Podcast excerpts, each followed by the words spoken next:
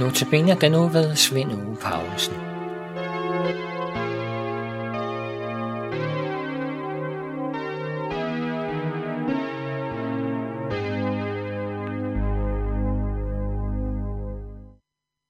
Vær overbevist om, som lutherske kristne, det er jo, at blandt andet Efeserbrevet kapitel 2, vers 8, der siger, at vi er frelst af Guds nåde ved troen på Jesus Kristus, som Paulus skriver det her, for noget er I frelst ved tro, og det skyldes ikke af selv, gaven er Guds. Det er vores overbevisning som lutherske kristne. Men i dagens andagstekst, der skriver Jakob jo i kapitel 2, vers 14 til 26. Hvad nytter det, mine brødre, hvis et menneske siger, at han har tro, men ikke har gerninger? Kan den tro måske frelse ham? Hvis en bror eller søster ikke har tøj at tage på og mangler det daglige brød, og en af jer så siger til ham, gå bort med fred, sørg for at klæde jer varmt og spise godt, men I ikke giver dem, hvad læge har brug for, hvad nytter det så? Sådan er det også med troen. I sig selv, uden gerninger, er den død. Nogle vil indmende, at en har tro, en anden har gerninger. Vis mig da din tro uden gerninger, så skal jeg med mine gerninger vise dig min tro. Du tror, at Gud er en, og det gør du ret i. Det tror de onde ånder også, og skælver. Tåbelige menneske, ønsker du bevis på, at tro uden gerninger er ufrugtbar? Blev vores fader Abraham ikke gjort retfærdig af gerninger, da han bragte sin søn Isak som offer på alteret? Som du ser, virkede troen sammen med hans gerninger, og det var gerninger, hans tro blev fuldkommen. Dermed gik det skriftord i opfyldelse, som lyder, Abraham troede Gud, og det blev regnet ham til retfærdighed, at han blev kaldt Guds ven.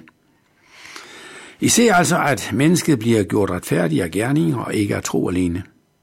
Blev skøden, Rahab, ikke ligeledes gjort retfærdig af gerninger, da hun modtog sendebudene og lod dem slippe bort af en anden vej.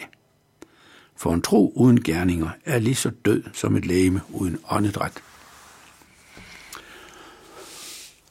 Man kunne jo på den baggrund her, på grund af disse vers, mene, at Jakob er grundlæggende uenig med Paulus. For Paulus skriver jo direkte, at frelsen ikke skyldes os selv, altså vores levevis, vores gerninger, som kristne, men vi er frelst af noget uanset vores gerninger. I parentes sagt, din levevis ændrer intet i frelsesmæssig henseende. Her er det kun troen, der taler. Ha, her er der en uoverensstemmelse i den ellers ufejlbarlige Bibel. Skal jeg som kristen vælge at høre på Paulus, det letter jo livet noget. Eller skal jeg vælge at høre på Jakob, og det bliver meget mere bøvlet med de gerninger, alt det jeg skal gøre eller ikke gøre. Så jeg snupper Paulus' tilgang.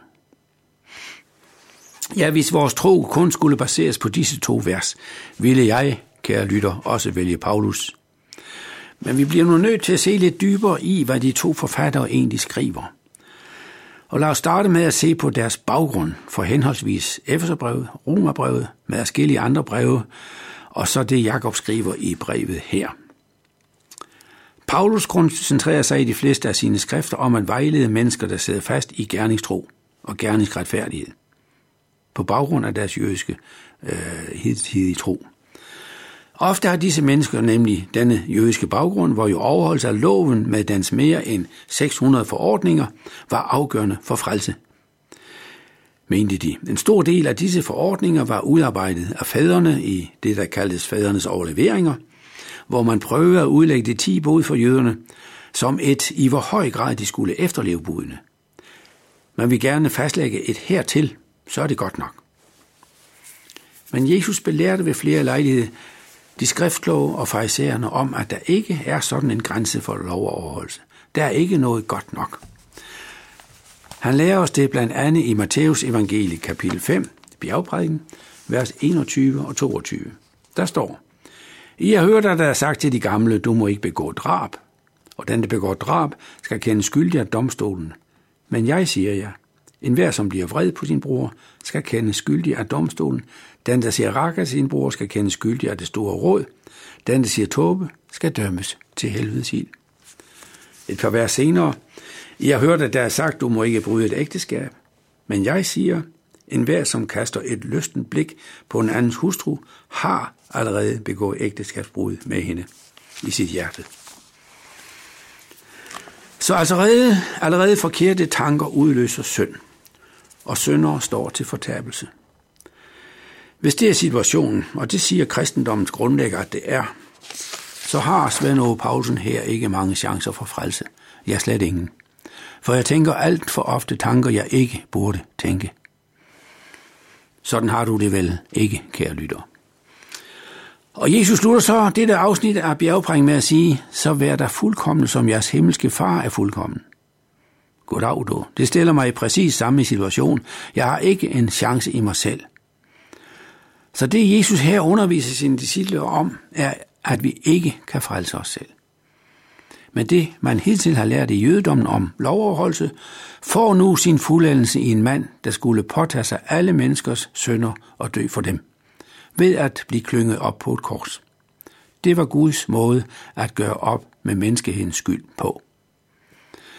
Det var det, der skete på Golgata i Jesu frelsesværk. Han døde for alle vores sønder, for vores skyld. Derfor taler vores sønder ikke mere, når talen er om frelse. Jesus har frelst os. Slut. Lad være med at tænke i gerningsretfærdighed retfærdighed og frelse ved gerninger. Det er overstået. Den del har Jesus gennemført. Det er det, Paulus særligt har i fokus i sine breve, rettet mod de mennesker, der dengang og i dag stadigvæk tænker i gerningsretfærdighed. retfærdighed.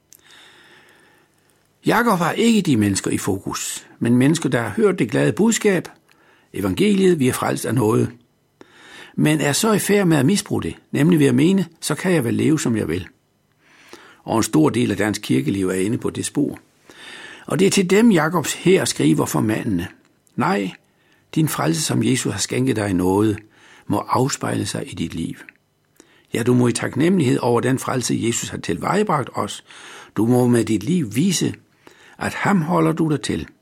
Jeg lever, som Jesus vil, at jeg skal leve. Jeg lever efter hans ord, ikke for at blive frelst, men fordi jeg er frelst. Så kære lytter, hvis du har tanker i retning af, at dit liv ikke har betydning for din frelse, så lad mig minde dig om det, Jesus siger til sine disciple i Lukas 6, 46.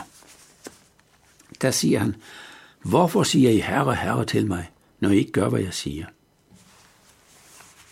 Ja, er jeg så jeres herre?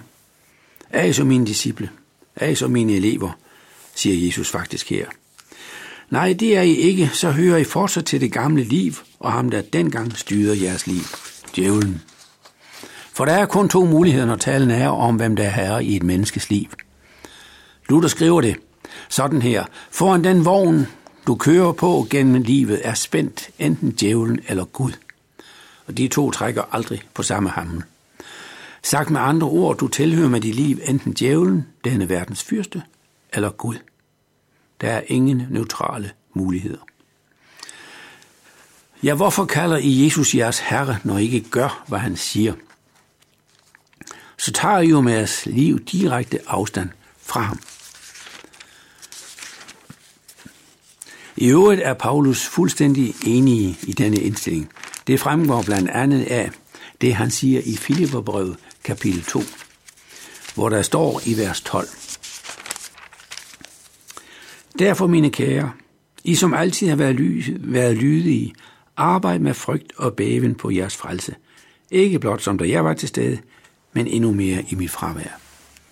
Altså Paulus skriver, arbejd med frygt og bæven på jeres frelse. Altså din levelivis. Men den må du i bævende frygt for fortabelses mulighed, den må afspejle, at du er frelst ved Jesu frelsesværk. Lad os vise det rundt omkring i verden, vores kære lytter.